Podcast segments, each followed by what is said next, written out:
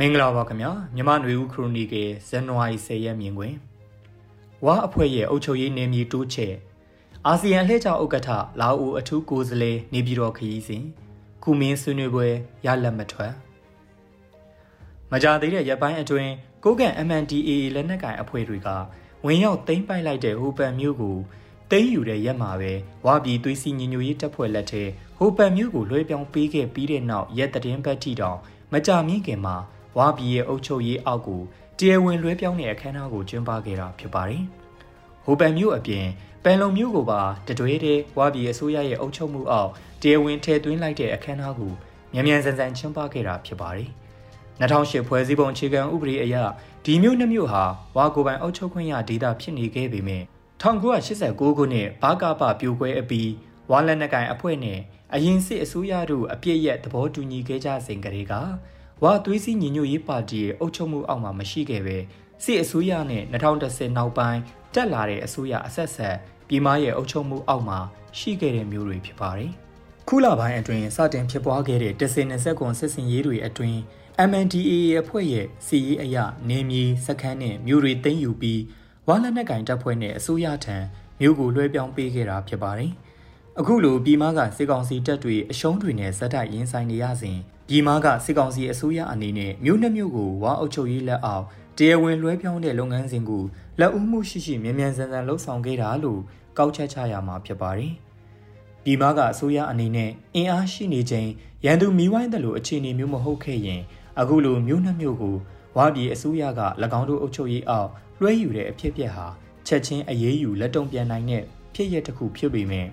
စစ်ကောင်စီအနေနဲ့မြို့များစွာစကမ်းများစွာလက်လွတ်ဆုံးရှုံးနေရချိန်မှာအခုကိစ္စကိုတားမြစ်နိုင်စွမ်းနဲ့နိုင်ငံရေးအရာလက်မခံကြောင်းလူသိရှင်ကြားပြောဆိုနိုင်စွမ်းမရှိတာလည်းတွေ့ရမှာပါ။ဘာပြည်လက်နက်ကိုင်အဖွဲ့အနေနဲ့တော့လက်ရှိအခြေအနေနဲ့အခွင့်အလမ်းကိုမြန်ဆန်စွာအကဲဖြတ်သုံးသပ်ပြီးတွတ်တွတ်လက်လက်လှုံ့ဆော်လိုက်တယ်လို့ကောက်ချက်ချရမယ်ဆိုချနိုင်ပါတယ်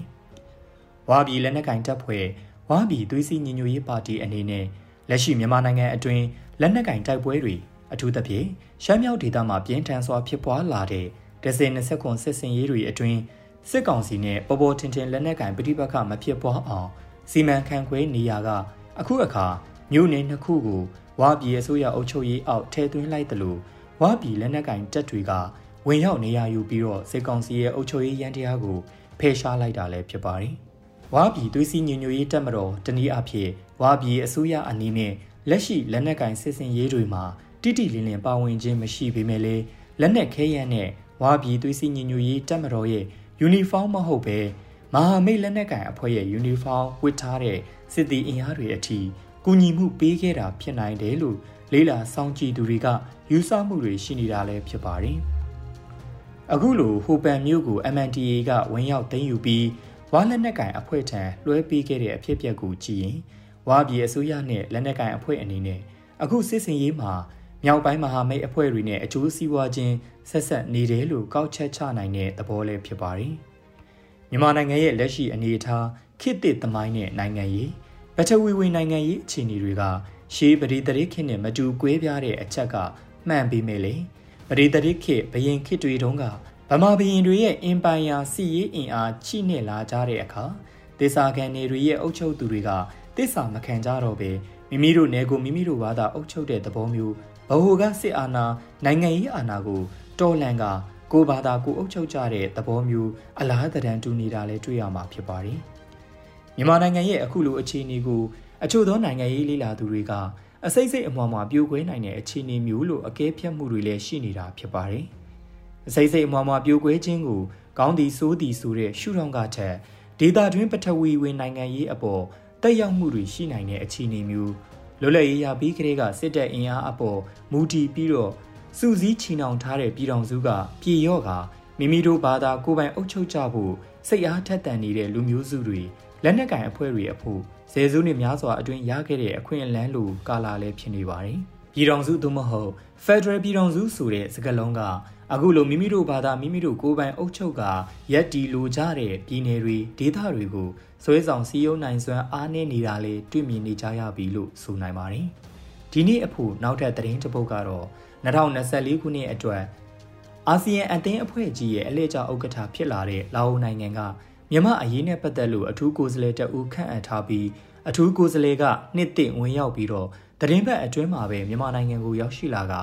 တပ်ဆိုင်တဲ့အဖွဲ့အစည်းတချို့နဲ့တွေ့ဆုံနေတဲ့တရင်ဖြစ်ပါတယ်။ရခိုင်2023ခုနှစ်မှာအလှည့်ကျခဲ့တဲ့အင်ဒိုနီးရှားနိုင်ငံအနေနဲ့မြန်မာနိုင်ငံရဲ့နိုင်ငံရေးအကျက်အတဲလက်နက်ကင်ပဋိပက္ခနဲ့ပတ်သက်လို့တပ်ဆိုင်တဲ့အဖွဲ့အစည်းတွေနဲ့တီးခြားစီတွေ့ဆုံခဲ့ပြီးတော့တိတ်ဆိတ်စွာစူးစမ်းတဲ့ silent diplomacy နီးလန်းကိုကျင့်သုံးခဲ့ပြီးအခု2024မှာအလှည့်ကျတဲ့လာအိုနိုင်ငံအနေနဲ့ဘယ်လိုမဟာဗျူဟာတွေဘယ်လိုနီးဗျူဟာတွေနဲ့အပြေရှာမလဲဆိုတာလောလောဆယ်အနေထားမှာတော့ ခံမှန်းပြောဆိုဖို့စောလွန်သေးပြီးတရုတ်နိုင်ငံနဲ့နှီးစပ်တဲ့လာအိုနိုင်ငံအနေနဲ့အာဆီယံကိုစားအပြေရှာရမှာတရုတ်ရဲ့တန်တမာရေးအကူအညီကိုယူကောင်းလဲယူနိုင်ပါတယ်။စစ်ကောင်စီအနေနဲ့တော့တစ်ဖက်မှာစီရေးအရာဖိအားတွေကြီးမားနေချိန်မှာတရုတ်ရဲ့တန်တမာရေးအရာကြားဝင်မှုကိုမယူမဖြစ်ယူရမယ့်အနေအထားမျိုးဖြစ်လို့လာအိုနိုင်ငံရဲ့အထူးတန်တမန်အခုလိုအချိန်မှာလာရောက်တာကိုရှောရှောရှူရှူခွင့်ပြုကြိုးဆိုခဲ့တဲ့သဘောလို့ခံမှန်းရပါတယ်။ လာအိုအနေနဲ့အာဆီယံထဲမှာထိုင်း၊အင်ဒိုနီးရှားတို့လိုဩဇာကြီးတဲ့နိုင်ငံမဟုတ်တယ်လို့မြန်မာအရေးကိုအခြေပြုပြီးနိုင်ငံရေးအရာအကျိုးမြတ်မျှော်လင့်ချက်ကြီးကြီးမားမားရှိမဲ့ပုံမတွေ့ရဘူးလို့လည်းဆိုနိုင်ပါတယ်။ရခင်အလှည့်ကျခဲ့တဲ့ကမ္ဘောဒီးယားနိုင်ငံအင်ဒိုနီးရှားနိုင်ငံဘူတန်နိုင်ငံတို့ထက်ပုံမူစွမ်းဆောင်နိုင်မလားသို့မဟုတ်စစ်ကောင်စီရဲ့စီရေးအရာအကြက်ရိုက်နေတဲ့အခြေအနေကအာဆီယံကိုပုံမူမျက်နှာသာပြီးချင်းကပ်လာမလားဆိုတဲ့ဖြစ်နိုင်ခြေတချို့ကိုလည်း အခုရောက်နေတဲ့အနေအထားကနေခံမှန်းကြည့်မိပါတယ်ခင်ဗျာ။